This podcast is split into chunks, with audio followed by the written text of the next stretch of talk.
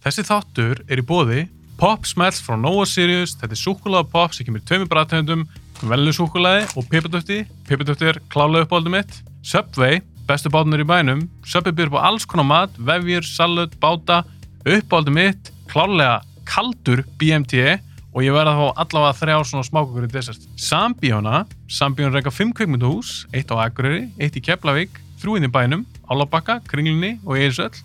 Þið sem hafa hlusta mikið á bíoblæður vitið að Eirsöll er klálega upp á spíóið mitt. Það er ekkert sem toppar staðleitt þar. Ég vil þakka þessum fyrirtækjum kærlega fyrir stuðningin. Ég vil líka þakka ykkur fyrir að horfa að hlusta á bíoblæður. Ef þið viljið styrkja bíoblæður, þá mæli ég með það veslu við þessu frábæri fyrirtæki. Ég vil minna á að bíoblæður er á Instagram, TikTok og Facebook. Endilega fylgjið mig þar.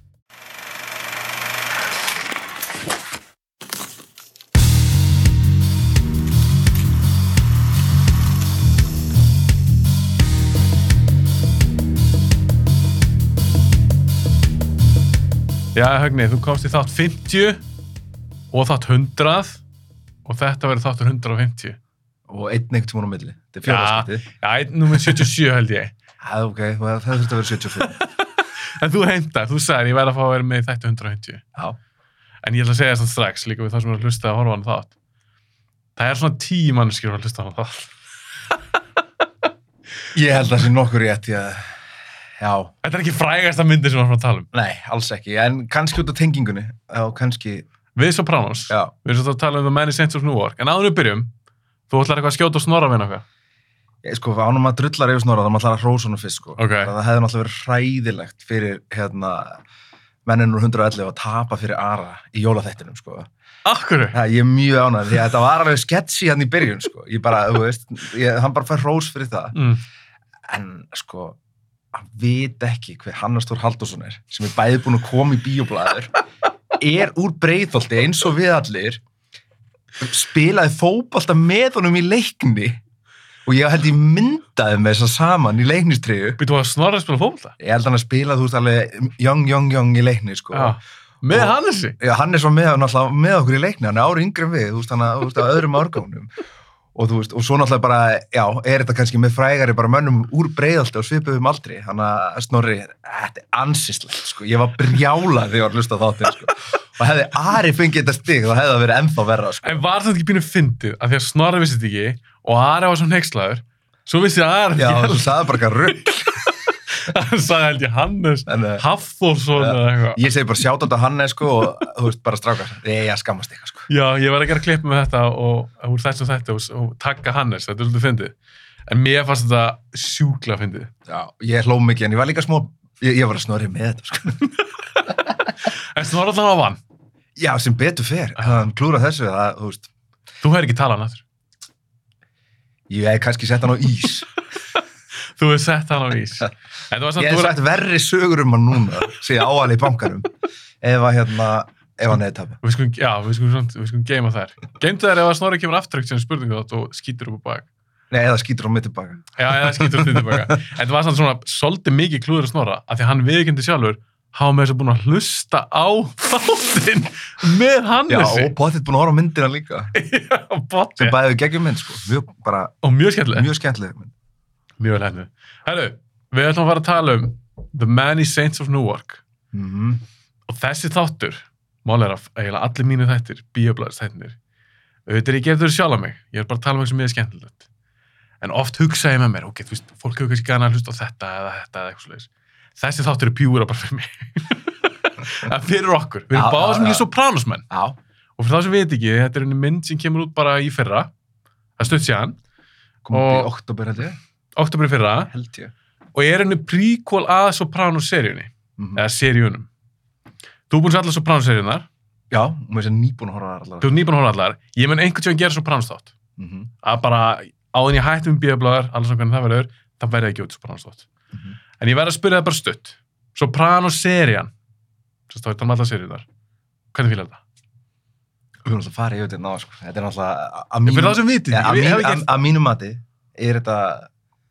bara besta sjónvarsefni sem hefur verið gert, þú veist, alla þáttaræðir Mhm. og hérna og það er erfitt að finna eitthvað sem er að horfa jafn aftur, aftur, aftur og endist alltaf jafn vel. Ég var að horfa núna aftur bara, tvö, þrjú ár sem ég horfði bara á einhvern smá hluta þeim, sko. Mm -hmm. og hérna, og mér finnst það bara alltaf standast tímastöðun, skilur, bara bæði í bara sögurnar, margir þættin getur staðið einur og sér Mhm. og það eru ekki margir þættir í seríunum sem eru bara hreinlega leðilegir sem kemur alveg, það er eiginlega bara í byrjun sjöttu seríu þegar hann, þegar hann er eitthvað svona að fara og hann er eitthvað annar karakter tóni svo sem ekki gefa upp en Nei, en þetta er, er kannski bara En- þrý, fjóru þættir og alltaf seríuna? fyrir utan það, þá bara, veist, þá er bara ekki eitthvað svona dull moment Mhm. þú veist, þú getur alveg sagt að misskemmtileg karakter og sér náttúrulega bygg, byggða þannig að ég vildi vera að kynna einhvern nýjan inn eða, Mhm. e eða setja fókus og svolítið einhver karakter að leiða söguna en veist, þetta er bara allt geggja stöf sko. Ég er samanlega, þetta er mínu uppástættir. Mér finnst það best sem hefur verið framleitt. mm og ég er náttúrulega verið mikill vægirmaður en veist, ég horfði á þær í fyrra, hitti fyrra aftur Mhm. og það er svona, þú veist það er hald ekki, það er geggjaðar ennþá en hald ekki alveg sama dampi Hvað heldur það sé? Af hverju heldur að þessi munur sé á þessu serju? ég held að hluta til sé það bara hérna að einhvern veginn mafjósan mafjósanir sé einhvern veginn tímalýsari sjónra á þessum árum einhvern veginn, mm Mhm.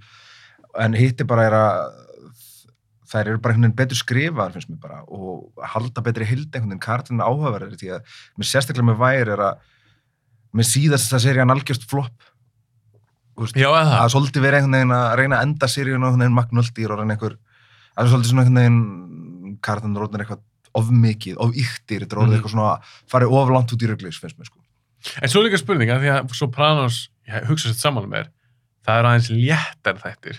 þetta er Meiri húmóri. black comedy Já. Alveg inn á milli er mjög fyndið dót í þeim. já, það er ekki rosalega mikið að blóði þó svo alltaf verið að drepa eitthvað Ég þess að inn á milli er alveg, það er alveg gróir já, 100% sko inn á milli. Já. En það er aðeins meiri svona, þeir eru þingri The Wire. mm Ég, ég bara hugsa upp á re, bara replay value. -hmm.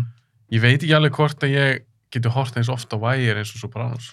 eða 100% ekki, þetta er eitthvað svona sem hún getur alltaf gripið í út af því að líka sem að hana, þetta er náttúrulega næstu klukkutíma langið þættir hver En að, Sopranos. já, og Mhm. þannig að þeir eru næstu bara svo bíómynd hver þeir, get, þeir standa alveg sér það er, veist, það er ekkit oft verið að mm, taka eitthvað mál fyrir lengi og þetta er alveg build-up en þú veist, þeir eru oft kannski að vera að dressa eitt hluti í hverjum hverjum klukkutíma Ég meina, hver seri er svolítið svona með sín vondakall? já, Það er ákveðin kallar í öllum þessu serjum mm sem er svolítið svona the big bad. Uh, það er svolítið svona það, er svolítið svona akkir í serjón. -hmm. Þú ert alltaf að, þú færið inn hennar karakter og hann er að bugga Tony mismikið. Að trubla líf hans. Tripla líf hans. Og svo þetta inn á milli kemur fjölskyldudótið, þá er þetta um fjölskylduna hans og bönnin og svona.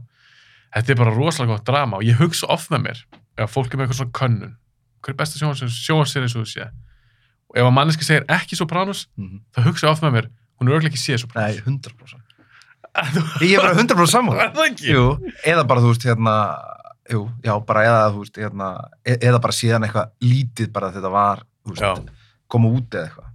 Því ég sé það ekki eins og neitt, þetta er koma út þú veist, eða hann í kringum einhvern veginn hvað er við Ég gaman varst, já, við erum 16 ára Já, ég sé hana svolítið setna sko. Fyrsti þáttur sem ég sá af Sopranos uh, var loka þátturinn Sirius 1. Já. Ég sá það þetta á stöðu 1 í gamla dag. Ég sá þann þátt að ég var mikill guttfælas maður og Mm. svona, mafíu gay. Ég var bara, hvað er þetta? Það var Póli og, og, og, og Kristoffer, alltaf, eitt gaur, ég ætla ekki segja hvað það er, í hérna svona tracksuits eitthvað. Ég bara, hvað dótið þetta maður? Og eftir það var ég bara húgt.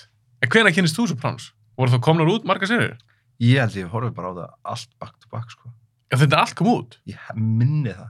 Ég alveg, nei, ég er alveg búin að sjá hluta en svo fekk ég, held ég, bara í gjöf frá konunum minn eitthvað, Já. bara alla seriðunar Á DFT? á DT og hérna og þá horfði ég á það allt í einu í raun og veru, svona Endar þetta ekki 2007? 2006? Ég tjekka það. en núna er ég maður sem er ekki góður í tíma sko. 2007? Já. Það er síðast að segja. það getur alveg verið, en ég hef alveg séð þarna eitthvað en ekki svona, Einn og einn þátt. að þessum tíma náttúrulega varst ekkit eitthvað að fara í eitthvað volt og horfa þetta tilbaka sko. Nei, Þú þurftir þetta svolítið að fyrir streymisveitur. það þurfti svolítið að fara bara helst til bandaríkjana að kaupa þessu Sopranos, Mm heilu seriðunar Ég panta þetta alltaf á Amazon. Já.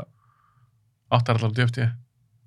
En svo þessi dag er ekki bullar að kaupa þetta á Blu-ray, er ekki betra bara líka að kaupa þetta á digital.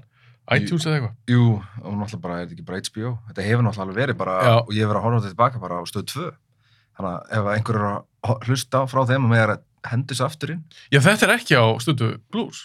Ekki núna, þetta var, þetta datt bara út fyrir kannski einhver síðan en þetta var einhver sko. En ég er að Þetta er vona, svolítið komið og farið sko. já, ég er að vona Mhm. uh, að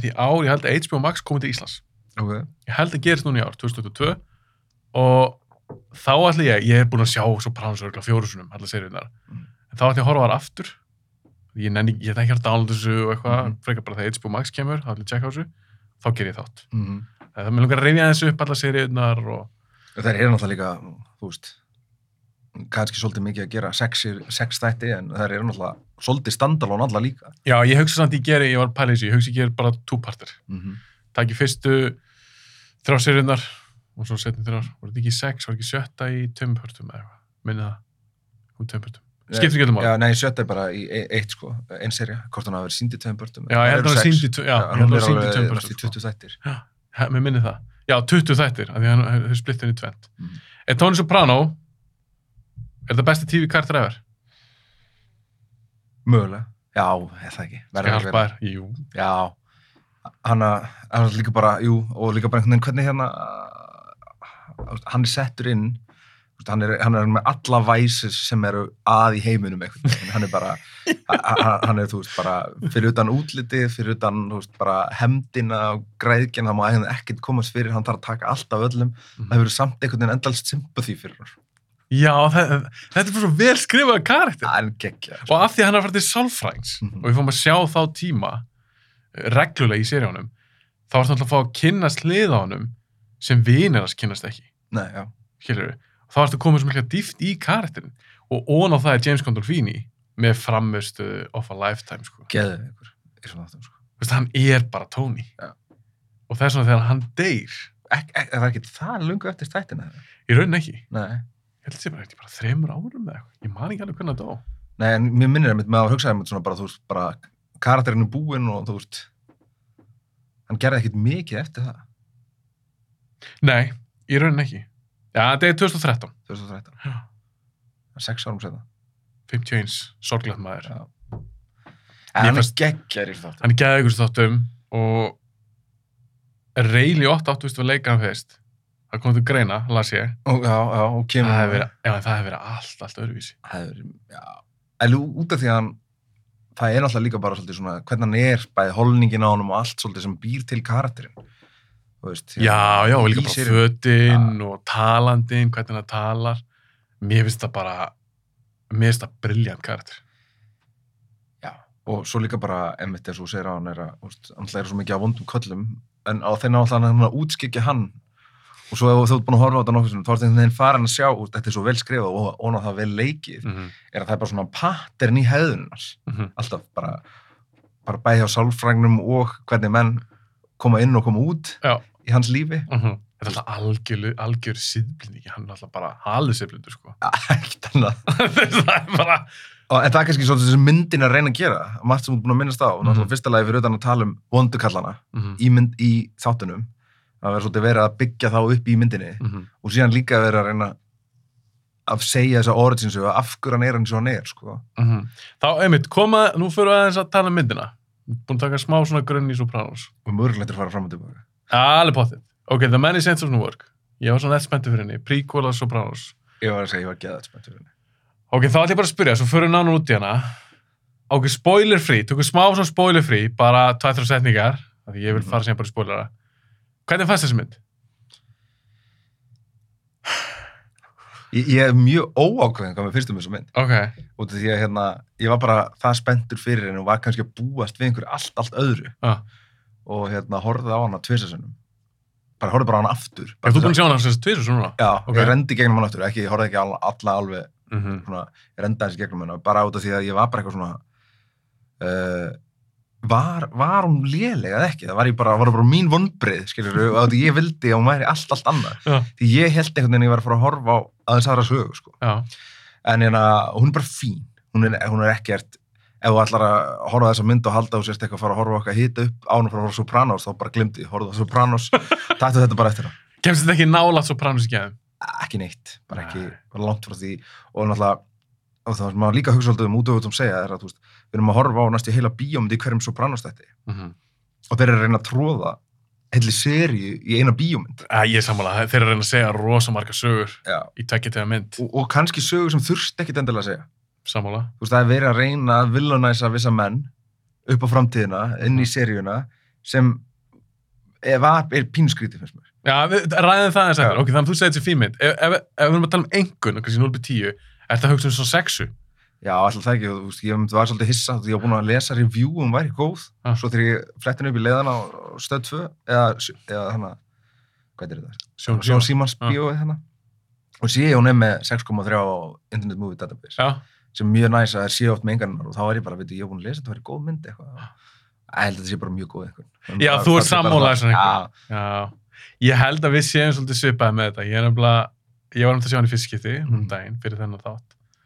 Og mér fannst það fín.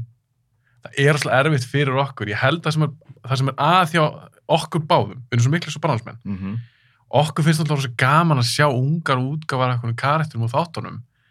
Það getur alltaf blinda mann. mhm, Ég hugsa að þú ert, hefur aldrei séð Sopranos og horfður þessa mynd, það held ég finnst þú svona í besta falli bara lala. En það, það sem er svo leðilegt við það samt er að, mafjósa sjónrað, Mm -hmm. núna bara var, er ég búin að orðið að horfa hérna, Godfather bara og það var í sjónvarpnum daginn Mm -hmm. úst, þetta eru svo góðar myndir marga hverjar, þú veist að minnast á Goodfellas líka úst, þetta eru bara svona alveg mafjósa myndir og þessi katalókur af mafjósa myndum bara er virkilega skemmtilegt einhvern veginn sjónvarsefni bara að þannig finnst mér það Sammála. þannig að þú veist að þú ert komin nýja mynd inn í það sjónra úst, á þessum uppvættar árum einhvern veginn mafjónar mm Mhm. og ítalir í New York og í fylki og svona Mm -hmm. að þeir klúðri einhvern veginn að ná ekki að gera geggjaða mynd þú veist, út af því að þeir hefðu getað sagt söguna á alls konar hátt það, var, það, það er líka sem að fannst svona smá sorglegt sko. Já, ég finnst það saman. Ég held líka að vandamálum myndan sé það, sé það að þeir eru að reyna að trúa miklu í hana. Þú, mér finnst þetta að vera þrjár sögur. Þú ert rauninni með Tony Soprano ungan og svona hans uh, grunn eða bakgrunn. Svo ertu með Dickie Moltisanti sem er rauninni pappi Kristoffer sem við fáum að sjá mikið í Soprano-seríunum. og er einhvern veginn svona, hvað heitir það rödd myndarinnar, hann talar okkur í gennum myndina Já, myndina. já, hann er narræta myndina. Og svo er þriðja sagan, mér finnst það að vera svolítið svona svarti mann í, í New York og, og hvernig hans heimur er og hvernig uh, þeir eru að interakta við þessa mafíu. Þetta er alveg svona þrjár sögur sem hefði ekki verið einn bíómynd. Mhm. Mér finnst það stærsti galli myndarinnar. og náttúrulega líka að vera að tróða inn hann á Riots sem er í New York Mhm. 1969 svolítið vera að tróða þeim einhvern veginn inn í myndina til þess að, að fela vissa hluti líka einhvern veginn og búið til sögu úr því Mm -hmm. þannig að ég er alveg sammálaður og minnst líka einhvern veginn eins og ég segi, þú veist Junior Sopranos kemur einhvern veginn inn en, og, og verður einhvern veginn að vera að búa til einhvern veginn hans baksögu líka í myndinni Mm -hmm. sem að mér finnst alveg hafa mátt sleppa bara hann, hann, þú veist, karakterin hans þarf þetta ekkert Nei.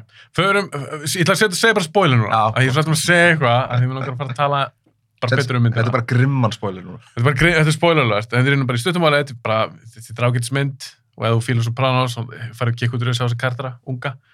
Ok, þú talar um Junior. mm Það er nefnilega eitt áhverð sem kemur fram í þessari mynd, -hmm. sem við vissum ekki uh, út frá Sopranos-seríunum. Nei. Og það er að Junior lit drepa Dickie. Mm Hvernig fannst þér svo, að það, svona surprise, það er revíl? mm, þú veist, fyrir þessa sögu sem við vorum að horfa á, Já. fannst mér óþarfi Ah, þú veist, út af því að það, það hefði verið svolítið svona ris fyrir hérna, þú veist út af maður held að það væri sem sagt andstæðingurinn hans, Mhm. sem sagt, hvað hétt hann aftur? Charles eða eitthvað er það anstæku Dickie? Dickie í, sem, það, hann fer á bakveðan hann og reyn, þeir reyna, hann ske, reynir að skjóta Dickie, þeir eru hann í húsinu hann á veitingastanum og fyrir já, þeir reyna að drepa það, sko. Við held að, veri, að maður held að veri hann sem er á bakum morðið, því maður vissi hver þú var svartakörinn, Harold. Harold. Ég er rugglega við þetta, ég var að horfa á Sopranos, þá funduður hann líka, hann er Charles. Og ég var líka alveg, ég þurfti að fara til- fram og tilbaka, og að hérna, og því að það kemur upp sérst búki sem Tony og, í þeirri serju, sorry með að hoppa fram og tilbaka, Mhm. sem, sem Tony og Polly drepa. Í sjöttu serju, þá finnst eitthvað lík af einhverju Já. svörtum búki sem þeir drepa. Já, sem drápa fyrir mörgum ára síðan. Já, nei, drepa bara hann- fyrsta morðans Tony, þegar hann er 23 ára. Þannig að ég fór að aðtöku hvort það væri einhver tenging þarna sem virtist síðan ekki vera sko. Þannig að það er kannski rugglega nöfnun. En, hérna, en, en það hefði alveg verið kannski smá betri endir af sögunni veist, ris hans þessa karakters að hann verði svolítið boss og við erum að sjá þá bara svolítið svona, svona racial skiptinguna verða minni einhvern veginn í glæpaheiminum Mhm, og því að þeir voru svolítið undir þeim í byrjun myndarinnar. Mhm. en að Junior drepa hann fyrir það að hann hlæja hann þegar hann dettur í tröppum. Hérna í kirkjunni er eitthvað svona bara rosalegt. Eitthvað svona, maður bara svona ok þeir reyna að byggja upp einhvern veginn að hann hafi alltaf verið svona betur og það er smá búið að vera að skýta yfir hann alla myndina. Hann Junior. fekk, já, fekk ekki date þeir fóruð að borða það með hann hjákonurnar og, og hérna og hann er svo illt í bakin og getur ekki sofi hjá hann eftir að dettur og hérna og hún segir þá eitthvað sem að hérna sem er svo algjör andstæði við kartan þegar gamall og þegar hann á að vera eitthvað svona geðt góður í rúminu þá Já. er að veist, hún, hann vilji aldrei sofa hjá hann Mhm, þú veist, bara any excuse for to not to have sex mhm. sem að þú veist, er alveg svona, svona eitthvað algjörlega andstæði sem þeir eru allir með fullt af hjákonum og, og alltaf sofa hjá öllum þessum konum. Þannig að maður var henni svona, þú þú bara svona stanslist búin að benga á Junior. En eitt sem langar að spyrja það með Junior Mm. hvað fannst þér um leikaravali? Ok, ég ætla bara segja svona, núna bara yfir alla í rauninni. Þegar ég segja alla, þá er ég að tala um, ok, nei, ég get ekki sagt alla. Mm -hmm. Ég er alveg með tvo í huga, já, tvo, ekki þrjá, tvo, sem ég fannst ekki góður og mér fannst bara að leika ykkur svona fíguru af kartun. Það er Görsi leikur Silvjó, Sammála? mest á hlæðilegur, og Görsi leikur Junior. Sammála. Af því hann er góður leikari, en mér fannst hann ekki góð sem Junior. En mér fannst samt líka Pussy. Hann er samt segir líka neitt. Nei, en hann er samt bara einhver svona bánsa, ung útgáfa af honum. Ok, en mér fannst gæðin sem leik Póli góður. Já, hann var, hann var alveg fýtt. að mér fannst það fínt, Já. ég var alveg að kaupa það að Póli hefði verið svona típa þegar hann var yngri ég var alveg að kaupa það mér fannst líka svona James Gandolfini hann Já. leikur Tony uh, í myndinni, þennan ungur mér fannst það fínt Já, já, já. Kannski einar sem ég fannst þér að, ég, þú veist, ég var að vonast til þess að sjá, og Mm. kom kannski betra eftir hvað mynd maður held maður að vera að fara að sjá, Já. er að við færum aðeins dýbra inn í söguna því að það eru svo mikið að hlutum sem er referensar í Sopranos sem við sáum ekki, þó sem við sjáum alveg fullt. mér er þegar Tony er ungur Já, þeirra tónir ungur út af því að hann er ennþá svolítið svona, við ná, við, við erum kannski rétt að sjá byrjununa á þessu switchi að verða góð, að vera bara krakki yfir að fá þetta svona vonda í sig og fara að hugsa, fara að að path, maður sko mm -hmm. og hann að en hérna en hann lekit alveg vel sko ég, það fínt, Já. sko. ég held að hann sé fyrst sem hann leikur í eða svona eitthvað vita allavega já, ég þekki það bara ekki sko. En ég hef vel að sjá þessa mynd ok, fyrst þeir vilja gera mynd mm -hmm. ef þeir gera ekki mínisýrju Já. þeir hefði alveg getað gert eitthvað mínisýrju það er alltaf átta svona tísk í þætti, dag já. já, átt að að þeir ákvað að gera mynd. Það er fyrst ég hef gert að ég verið David Chase, handelsfjöndir, bara hei, ok, þurfum að kvætt út eitthvað af þessu. Gerð, ég vil þess að mynda bara um Dickie eða um Tony. Ég hefði viljað sjá hann um tóni já, en akkur var hann ekki bara um Tony þegar hann var, yng- þegar var hann ungur nefnilega þá myndin fjallar öll um píkið í sjöttu séri. Þú veist, byrjar á því að hérna, að Chris kemur og talar um þú veist bara að þetta er Tony frendi hans. Hann áttur að drepa mig já, menn hann talar um í myndinni Já. mm og svo er myndin allir einhvern veginn að, kynna þeirra samband þú veist, út af því að Tony le- leit svo, leit svo mikið upp til Dickie og gengur í föðust að Kristoffer -hmm. og þú veist, svo náttúrulega bara og hann á að vera svona hvað var að segja, svona framtíð fjölskyldunar, en náttúrulega er með öll Tony? sín, nei, Kristoffer Já, Christopher, já, Tony já, er svolítið búin að merkja hann sem framtíð fjölskyldunar hann var að- grúman svolítið ja, og, er að grúma hann og hann á sín Mhm. væsis og svo gefur þess tímislegt skemmtilegt á leiðinu einhvern veginn en en, þú veist að það er einhvern veginn að byggja upp þá sögu svolítið mikið einhvern veginn Kristoffers og Tónis inn í seríuna fyrst mér veist, að reyna að útskýra það meina í myndinni? í myndinni, Já. bara svo, að samband Dickie, að Dickie gengur hann við föðustað þegar pappan sé búin að vera í fangilsi fimm ár Mhm. þannig að byrja myndin og hann lítur svo ótrúlega mikið upp til hans út af því að pappan sé svo fjarlæður og, og, og, og fleira, þess að gaggvart honum og ánáttúrulega hafa verið að berja þau og, og fleira. Mhm. Þannig að myndin snýstur rosalega mikið um þetta samband fyrst mér, sem fyrst eitthvað svolítið svona, Tony og Dickie já, og, einhvern veginn, og svo Kristoffer og Tony Já. í framtíðinni. já, Ég- ég fannst það mikið Í, mér fannst svolítið mikið að því, því að ég hefði náttúrulega, fyrir mitt persónulega, mm. langaði mér að sjá Tóníin sem er að kom, sem er svolítið að byrja að svona ráða sér rúms innan mafíunar og náttúrulega þetta svona marg umrætta atriði sem þeir tala um í seríunni og spekla sín í seríunni þegar að Jackie O'Preel Já, og Tony einmitt. Sopranos ræna þennan pókerleik og svo gerir Jackie Jr. það líka og þar ke- kemur önnur eitthvað svona andstæður viðbröð pappa hans og þú veist, gegast því að venda Tony og svo öfugt Mhm. Tony gegast Jackie Jr. Já, Þar, þar var ég að vonast þess að myndin væri að fara að fara, við verðum að fara að fara í Origin-söguna Já, þú hefur viljað hafa Tony kannski 20-25 ára. Já, nei, þetta er hann að Er hann yngri? Já, hann er, Ég man ekki hvað hann gamall. hann er rétt í kringum 20, þú veist, fyrsta morðið og hann er komin inn í er 23. Þannig að þetta er á undan því. Veist, þeir eru ekki komnir inn, þeir eru með svona eitthvað lítið krú eru einhver svona smáglæpum. Ég meina, á hann ekki bara að vera 15 ára eða eitthvað í myndinni? Þú hefur viljað fá hann aðeins setna. Eða, sérst, þú, þú Já, nei, hann er, hann er eitthvað að vonast hann er ekki tvítur í myndinni? Nei, nei, nei, hann er hann að í, veist, hann er náttúrulega í high school. Hann, hann er eitthvað, segir, 15, 16. 15-16. Jú, eitthvað Og hann náttúrulega er að eldast svolítið hratt í myndinni, hún gengur alveg svolítið hratt. Já, hefur viljað fá, já, þú meina, að því að fyrirldu myndarinnar, Mm þá er hann ennþá yngri. Já, hann bara, hvað ætla hann sé, sjóra eða? Já, það komið pínu á óvart að það er alveg klukktíma liðan á myndinni, Mm -hmm. þá allt henni fá að sjá svona James Gandolfini. Já. Ég held að hann er alveg alla myndina. Já, já, já, ég held það líka, ég held að eða kannski bara, þetta er það fyrsta kortir eða eitthvað. Já, þetta var alveg klukktími, Já, cirka. hún er, hún er hvað, tveir tímar. Tvei tímar, þannig að hel, helmingur af myndinni. Já. En að þú hefði þá viljað hafa meira sem hans ævi, Já, en kannski ég, til 23, 25. ég vilja sjá þetta transition úr að vera batni að vera Tony Soprano. Já, Þú veist, við sjáum glimpsist þegar þeir ræna íspilnum og eitthvað svona, þú veist, þá, þá kom þetta aðeins svona, þar fór hún aðeins að svona vera lífleg og skemmtileg fannst með myndin, sko. En já, ég er ekkert ósamlega því. En fannst þess að ekkert pínu gaman að sjá Dickie, af því að það svolítið um hann í seríunni, við höfum aldrei séð hann. Jú. Og, og það er, hann er alveg flottur, með, hann er, hann er flottasti karakterin í myndinni. Já, og mér finnst það, þessi leikara var svona ógeðslega góð. Já, mjög vel. mjög Töffari góður. bara. En hérna, en, jú, en eins og þú er búin að segja, þú veist, bara, það ger, það gerum svo margt í myndinni og, veist, og, og það er svo margt sem þurfti einhvern veginn ekki að gera. Af hverju þurfti pappi hans að koma með þessa konu frá Ítalíu Mm og hann svo að drepa pappa sinn til þess að ná cool henni af honum. Kúlan. Alveg kúla atrið, já, en, veist, en, þú veist, Óþarfi.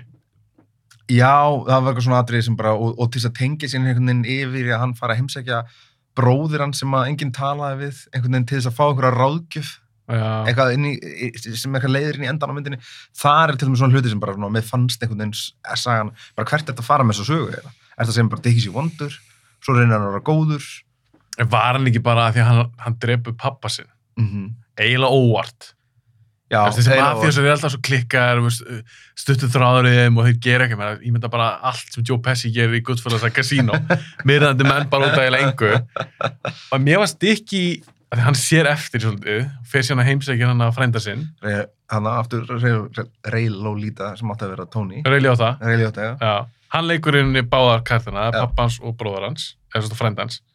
Hann er svona að bæta fyrir það. mm -hmm. að því að hann lítur út eins og pappans og hann alltaf eitthvað kemur eitthvað jazzblutu til hann og svo er hann að gera eitthvað svona og að þjálfa eitthvað lið þarna á blindum krökkum eitthvað nefnir hann var að reyna eitthvað að bæta upp fyrir þetta Mhm. að því mér fannst þess að ég séð eftir hann ætla ekkert að drepa pappa Túlkar það þannig, hann hafa ætla Nei, ekki nei, nei, nei, nei, hann var einhvern veginn, eins og segir, þeir náttúrulega eru með mjög reyts og það var eitthvað reyts hann að kakvart hann hafi líka verið, að kemur fram hann hafi líka verið að lemja mömmu hans. Já, já, hrindinni stiga og eitthvað Já, og svo Mm. kemur þessi þannig unga fallega kona í hans líf og hann, það er greinilega einhver, eða hún er svolítið að reyna að koma sér áfram í lífinu. Hún- og notar ímis bellibröð til þess og náttúrulega kemur hann upp að sefur í honum og Dickie og já, fleiri. Harold líka. Harold líka. Þannig að hérna, Þú vil fá meiri fókus á eh, þú vil kannski verið að fá skýrari fókus já. Hefur það- frekar viljað hafa Dickie, að þú talar um að þú vilja fókus á að hafa Tony Hefur frekar viljað að Dickie hefur bara svona aukakartir Nei, mest alltaf að Dickie sé í stóru hlutverki hann er, Mm. en að þeir einhvern veginn svona, að Tony sé svona hliðar karakter þá meiri og við fáum meira af honum. Því að sagan fyrir svo rosalega mikið að snúast um, um Dickie á tímbili, að þú veist, þú hefur alveg getað gert það og hennar baksögu, hérna, hjá konunni og fleira. Því að þú veist, það, það er svo, svo æðislegir hlutir í þessari mynd, í, veist, svona atriði eins og þegar að, hérna, þau eru í bílnum, Dickie og konan hans og Johnny eða fóreldra Tony og Olivia og, og hún er eitthvað nöldri í honum og hérna, og hann tekur upp byssu og skýtur í gegnum sjalið hennar. Þetta er bara, En það talaði um þetta í seríunni já, Já, og, og hérna, og, og þú þeir náttúrulega myndgera alveg mörg af þessum atriðum. Og, maður er bara, og maður horfir bara á þetta atrið og maður er bara eitthvað, ok, allt sem búið að tala um og allir þessi sálfræði sem Tony er að þykja það, það þurfti bara eitt atri til að sína Mhm. þurftir ekkit meira hún, hún alltaf kemur hann heim á fangilsun og hún brjála henda einhverju diskum og eitthvað þar greinlega mikill hiti hérna, sko. en hérna, það atrið bara veginn svona, ok, þú er búin að lýsa tveimur karakterum bara fullkomlega það ekki Já, meira. í þessu atrið Já, í bílum bara, þú veist, þurftum ekkit að kynna þeim meira, sko. Ég er nefnilega, því það var svolítið síðan ég að horta á uh, Sopranos seríu þar. Mm -hmm. Það er, það er nokkur á síðan. Og þegar þetta atrið kemur, hann skýtur henni í gegnum einhvern veginn hárið hennar eða eitthvað, með eitthvað svona, eins og eitthvað sjal eða eitthvað. skýtur það ekki, þá allt í einu, leið og leið og gerða það, þá allt í einu bara, já, býttu var ekki talað um þetta í seríunum. Ég held að það var Janice, sýsti Tony. ég man ekki eftir því, en það er 100% sko. Og hérna, og við fáum náttúrulega að sjá Janice unga Já, sem bara, svo ég og kona mínu horta svo prans með mér og Mhm. vorum saman um það þeirra. Bara, af hverju er hún að einhver geð gælla eitthvað þegar hún er hérna ung reyndar hefur Tóni lístinu þannig að hún hafi verið eitthvað og að sæta og allir strákandi skotnir í hennu Já, hann er oft, hann sagði það nokkuð sem minnir mig í seríunum. Já, hjá Jennifer Melfi, segir hann það og svo spyr hann eitthvað út í það og hann aftur þá ætlar að segja, að fara að ríða sýsti minni hann er svo reyður yfir því Já, en það var samt alveg gaman, þú veist, maður hefur auðvitað lúms gaman að sjá þessa karaktera. Já, já, já, og J- og Janice kemur þá það er, er eitt líka þar svolítið skrítið Já. en þeir endur gera atrið sem var í Sopranos og þeir gera það eins öðruvísi Er það hann er skotin gaurinn?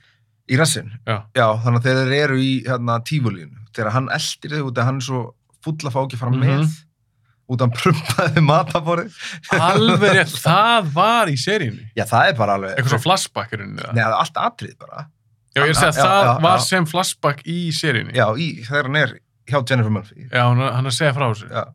og þá er hann að lýsa sem sagt, samband sínu við pappa sinn og hvað hann hafði einhvern veginn tekið Janice sem eitthvað svona favorite Alveg rétt. og hann eldir þarna og sér þá handtekna alltaf svo er eitthvað svona smá, kannski mann ég eitthvað ránd en mér minnir eins og að hann svo, veist, í atriðin í myndinni keiri löggaðu heim en hann talar allan aldrei um það, hann talar bara eins og hann hafi tekið strætó aftur heim og að, ekkert minnst á þetta Nei, ég man ekki alveg vel eftir þessu.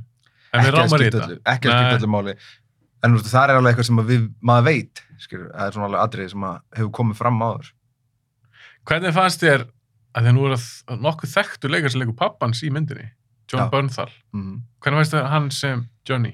mér fannst hann flottur karakter sko, Johnny, Ja. en hérna kannski eina mér fannst, þú veist, eins og ég segi, mér finnst þetta atrið í bílnum lýsa þeirra samband fullkomlega en of svolítið mikið verið að íta undir alla þessa erfiðleika á heimilinu í hverju einasta atrið þú veist, hann, Já, fannst það einum of. já, var svona svolítið mikið einhvern veginn, veist, það var alltaf verið bara, þú veist, hann er búin að lofa að raka sér yfir að skeggi við ef Janis hérna, kemst í gegnum hérna, þetta kathólska fermingaferli Uh -huh. en, veist, en hún skýtur strax á og segir, að hjákonunan vildi hann væri um þetta skegg það er alltaf, Já, já, en Hann- va, Livja var alltaf að nöldra. alltaf, já en, en eða allavega sem gömul kona. Já, já Skilurðu? en hún er greinlega alltaf verið svona. Já, 100% en það er svolítið verið ítum það, kannski svona stundum með karakterinu eins og þú veist að tala um með hérna, Silvíó.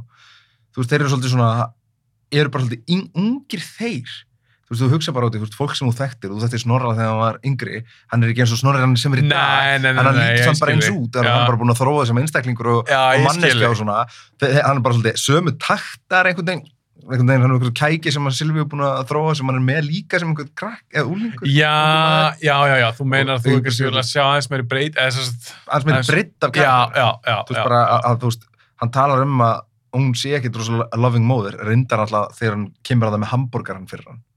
Svo verður eitthvað svona switch í því Mest, það er svona mjög merkilt atri er að hérna í myndinni. í myndinni, hún, hann kemur og sest við borðið, hún gefur hann að borða minnir að hafa verið hambúrgar fyrir hann samloka. Mm.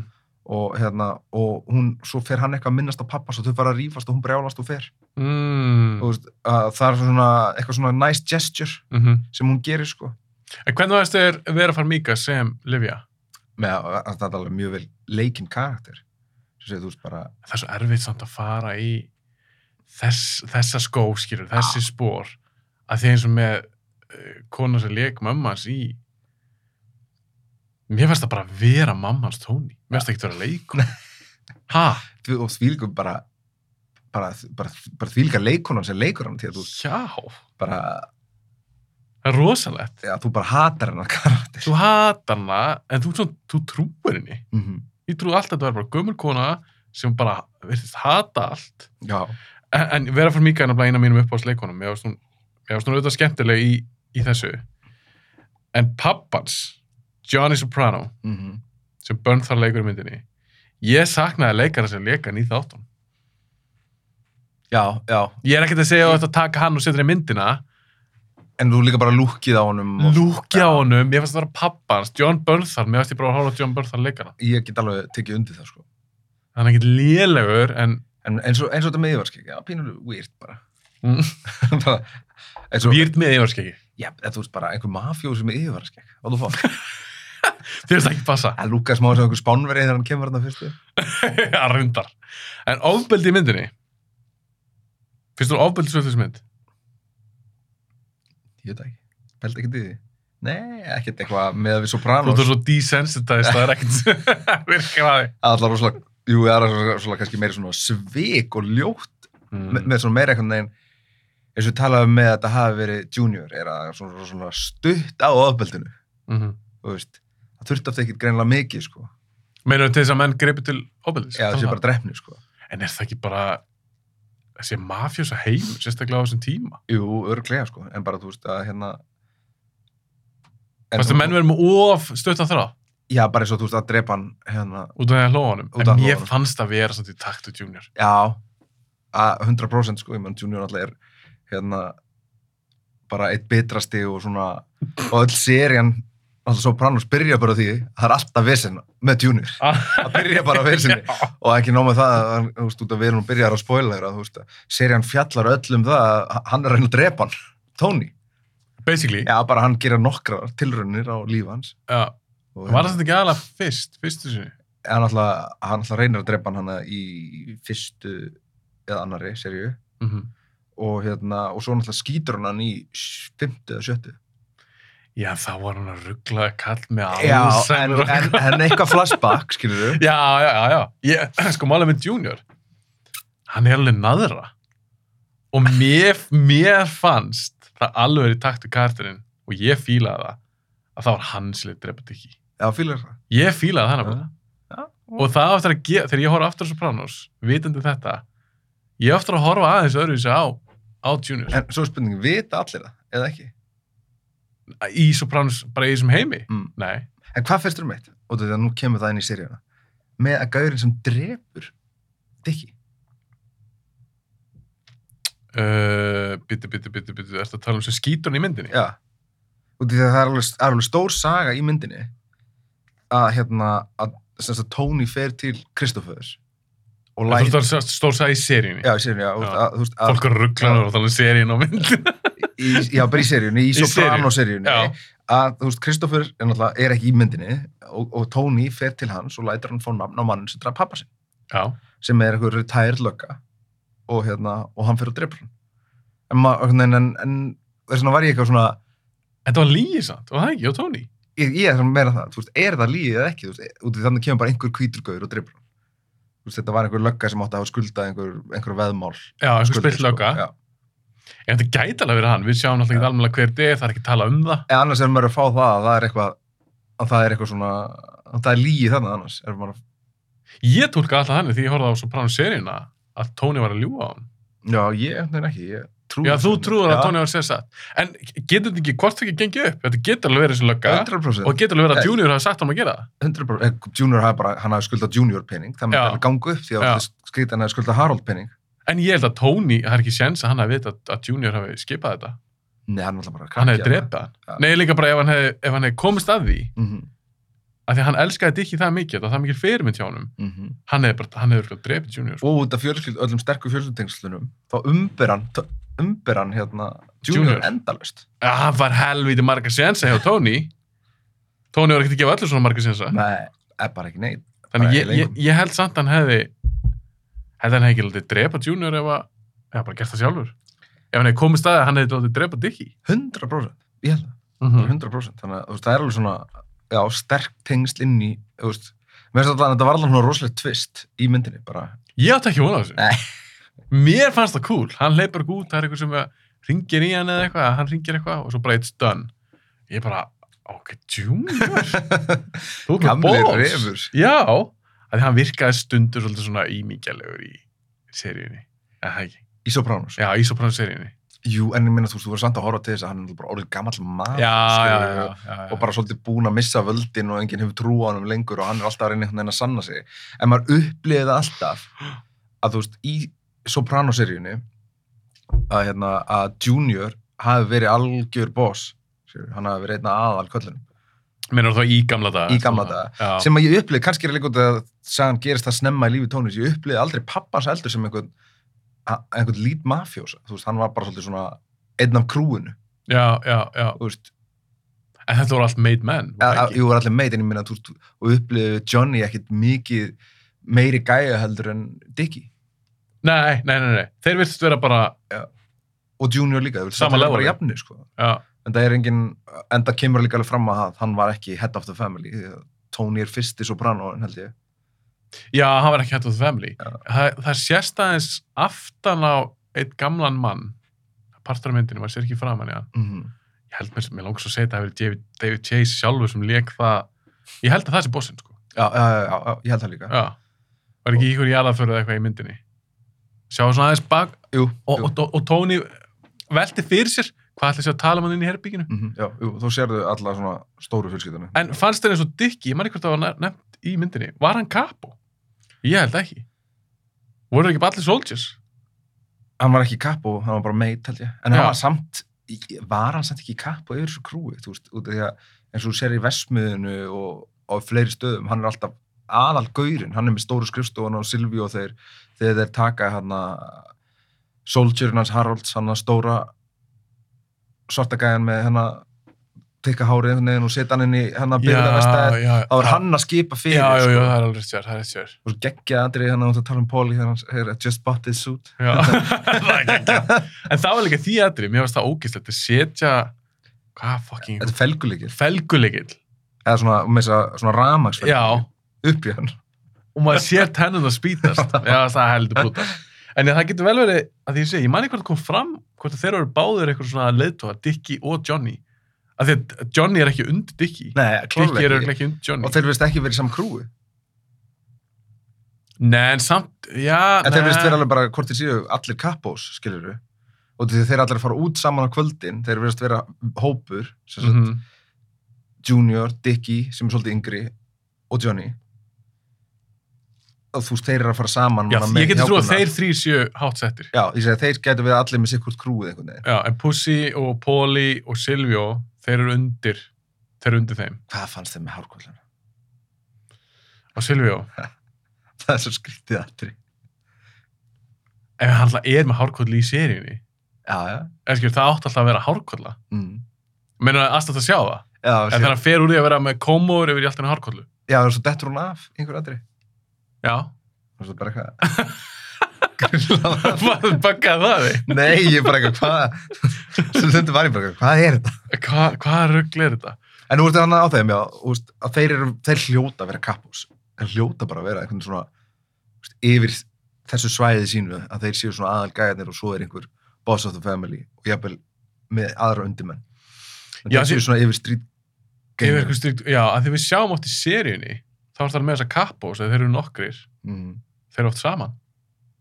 Kannski er það bara Johnny og eins og við talum, Johnny Junior og, og Dickie. Og það er, var það ekki í serinu líka eitt svona matur? Nei, í myndinni, Mm. að það er sem seti í svona auði. Jú, jú, Jú, jú, jú, jú, jú, jú. Það hittast allir svona allir leiðtóðanir. Já, og þannig að þeir eru greinlega bara með eitthvað sinn part af Já, Núork. já, alveg pottið, sko. Mér var svolítið töf, ég las bara eftir hann þú komst, þá hann byrjum að taka upp, þá las ég að hann heiti Dickie Moltisanti Mm og það þýðir, Moltisanti þýðir Many Saints. Já, ég, Já, veistu það? Ég las það, Ég las það bara undir bjöða, það var svolítið cool. ég las það að ég var eitthvað að lesa um að eitthvað að skoða þetta, þá, já. En ég er samt alveg á því, þú talar um þú vilja kannski meiri fókus á Tony. Mm Ég hef alveg viljað fá bara, bara meiri fókus á Dickie. -hmm. En mér er alveg cool að fá mig að sjá eitthvað karat sem hefum ekki séð. Já, kannski hefði það bara verið geggjum mynd og, og bara rétt að sjá hliðakartina, en ég sé bara út af því að við erum að sjá svo bland af öllu einhvern veginn. Já, Að það er allt og mikið. Að bara, þetta hefði verið eins og Sopranos þáttur, þar sem þú eldir eitt karakter og þú farið að sjá alla hinna bara við hliðina, en í staðan fyrir að vera alltaf svissa svolítið á millið þeirra. Já, ég, það er svona byrst að tala um já. bara kannski svona skýrari, skýrari fókus, bara hvað ætlar að fjalla um í þessar mynd? Mér finnst það svolítið svona, mér fannst þess að David Chase hefði viljað gera míniserju, Mhm. en bara sagt við hann, nei, þú fær bara bíómynd og hann er síðan reynd að tróða, bara eins og hann hefði skrifa átt að þáttar serju og svo tók hann bara eitthvað, hann gerði það ekki, en mér leið þannig, tekið það, styrta svo öll í, í tveggjá bíómynd og hún líður bara svolítið fyrir það. Og ég veit ekki hvernig fólk er að fara að taka í þessa mynd sem veit ekkert um Sopranos. Nei, en þetta er líka út að segja, þú tróða svo miklu, þú ert að tala um Dickie, bara þú veist, hann gerir svo ógeðslega mikið í sér. Já, en ímyndar sem að að kött út allt mm uh, með Harold og hans eitthvað power struggle. algjörlega. Kliftu það allt út myndinni. 100%. Það er alveg nokkra mínútur. Mm Nei, Og- nokkra mynd, það er bara rosalega 20 myndir. eða. Já, getur verið 20 Við erum að sjá hann gamla, við erum að sjá hann fara í einhverja pimphesta ferðan. Já, en herru, en svo hitt, hitt, en svo hittir hann, fast það að. Ég var bara, það er ekki, sko. En hann samt hittir þar, ég veit hvað þú tókst eftir því, hann hittir Frank Lucas. Nei, ég tók ekki að þeirri. Nei, Frank, sem var hann í pimpfötunum hann að Já. frakka hann á því. Frank Lucas var maður sem var til og þetta er kartið sem Denzel Washington leikur í American Gangster. Ah, ok. Finnst það fyrir skemmlega. Já, en American Gangster gerist í New York, eða ekki? Eða, já, en þessi gæður er í Norður Karolín, eða ekki? Eða fer hann bara, Nei. hann har verið í Norður Karolín? Já, ég held að hann fara bara, hittast þeir ekki bara eitthvað staðar og eitthvað. Jú, bara á einhverju hestabíli, þetta er alveg grillað aðri. Þeir eru allir út úr pimpaðir á því, einhverjum pelsum með hatta og eitthvað, einhvers þar inni, og veist, og... Nei, var þetta ekki eitthvað bara hesthús eða eitthvað? Jú, þetta er bara svona, svona hestahöll bara líka, það, og, og þeir eru allir bara út á og bara... þeir eru bara fly. Já, geðvett flæðin, en það var svona þarna mitt, ef að tala um þetta þessi saga þurfti ekki, Já. eina sem ég hugsaði um, sorry, ég ætla að vera afklæðast hérna, því að horfa núna, Hittni í kólun. Þegar horfa núna. en að eina, hérna, ástæðan fyrir ég hugsa út í og ég googlaði þetta sérstaklega, bara Já. hvað þetta var, að er að þetta er einhverju New York riots, og maður svo oft heyrt um hérna Watts riots og eitthvað svona dót. En Watts var í LA? Jú, bara, að það séu staðsetjar inn í bíómyndum einhvern veginn, Já, já, og þú já. veist, bara, þú veist, til hvers erum við að staðsetja okkur sem sagt 1969 einhvern veginn í kringum þetta og þennan bruna og eitthvað bara fyrir utan að fela þetta líka. Já, einmitt. Það er eins og svona getur gert það eitthvað öðruvísi. Mér fannst það rosa svona skrítið, því ég var að hugsa með, hvað, hvaða sögu viltu segja? Já. Hvað ætlar hann að segja? Að ég held að þetta var sagan stykki. Já. Þegar ég heyrði um þessa mynd, Mm þá var það það sem ég las, að þetta ætti að vera um Dickie Moltisanti og sjá svona hversu mikil áhrif hann hefur á Tony. Og þegar þú hugsaður út í það með nafni þá heitir myndin Multisanti of New York. Já, einmitt.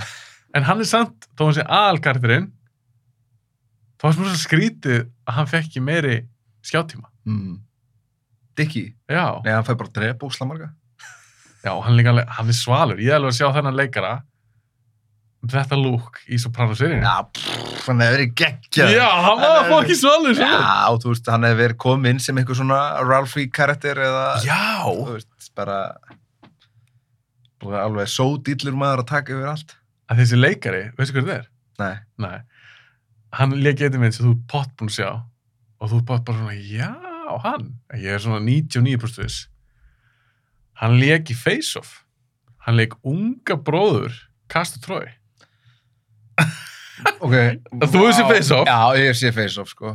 Hann, hann Þetta er djúb tenging, sko.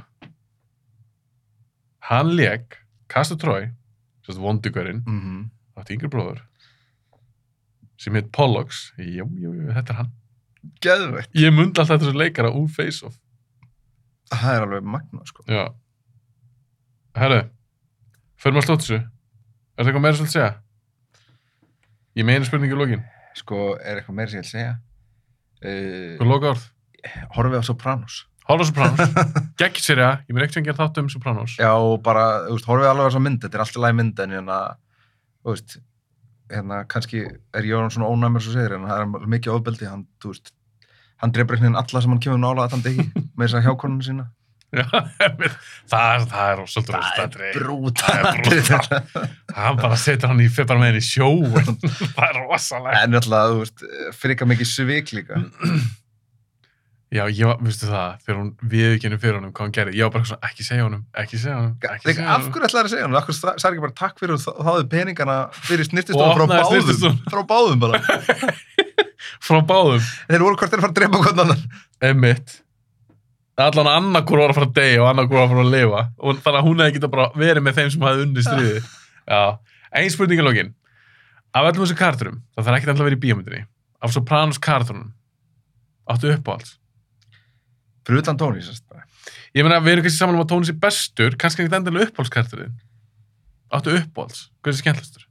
Já, það fer rosalega mikið eftir bara hvar við erum stattir í seríunni og hvenar, sko. Þú veist, ég elska Polly, Mm. en þú veist, svona alltaf, þú veist, uh, fær hann vist svona, þú veist, uh, eins og allir bara, þetta eru að vera uppáldi hjá Tony á tíumbili og, og þá fær maður að sjá svona einhvern veginn brot á þeim karakter, en ég Mm. elska samt karakter, bara, Polly bara geggja, bara, þú veist, hann er bara einhvern veginn, þetta er eina sem hann á, eina sem hann þekkir og bara, og, og bara eins og ég sagði ég kom hérna oh, í, Þátt hundra held ég nei, þegar við komum fyrsta þáttu með Sjonna og tala um eitthvað svona, þá getur valið einn sem myndir, þú veist, fremur morðum með og þá valdi ég Ah, Já, þú valdi Póli Já, af því að hann er bara, veist, þið voru bara að hugsa um einhverja fjöldamorgi, ég var bara að hugsa um að komast upp með hlutinu, sko. Hann myndi alltaf standa með vinnu sín. Já, hann er líka bara, hann, lúkar eins og bara alvöru mafjós, þessi leikari. Hefur þið séð nýlega, viðtölu hann? Nei. Hann er helviti gammal kallinn maður. Það. Já, það er alveg 20 ár síðan eða eitthvað Sopranos var og hann var gammal maður þar. Já. En í dag, þetta er svolítið svona, hann virkar bara, pínur svona ellegar, svona, er sárt að sjá það. Já, Já. Hann var bara svo, hann var svo töff í, hann fucking grjótar og hvað hann sé gamall? ætla hann sé ekki bara svona, þú veist, 65 ára í þáttunum, eða eitthvað, eða að vera það? ég trúið að þess að hann er örugglega eldri. Í þáttunum, já. Samt er hann svona grjótarður en það. Það hefði verið með eitthvað, það var alveg reference að það verið í sjó, eða, Já, var í hernum. og, og eitthvað, þú veist. Old school, old school glefmaður. Já. Hvað var þinn? Upphalskartin minn? Ja.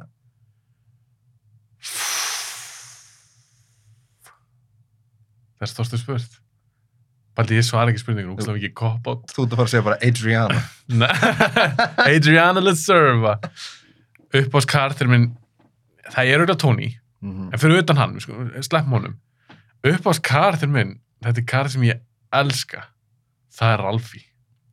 Ok, ok. Af því hann, ég veit hann er ekkert svakalega mikið í. Já, samt hann á heila séri. Hann á heila seríu. Það eru er tvær. Hann er, hann er tveimur, tveimur helviti góðan sérum og bara hvernig Joe Pantoliano leikur hann og mér finnst svo fyndin karakter og hann er svo mikill psycho hann er bara eitt mest í psycho held ég aðeim Já, hann og Richie April.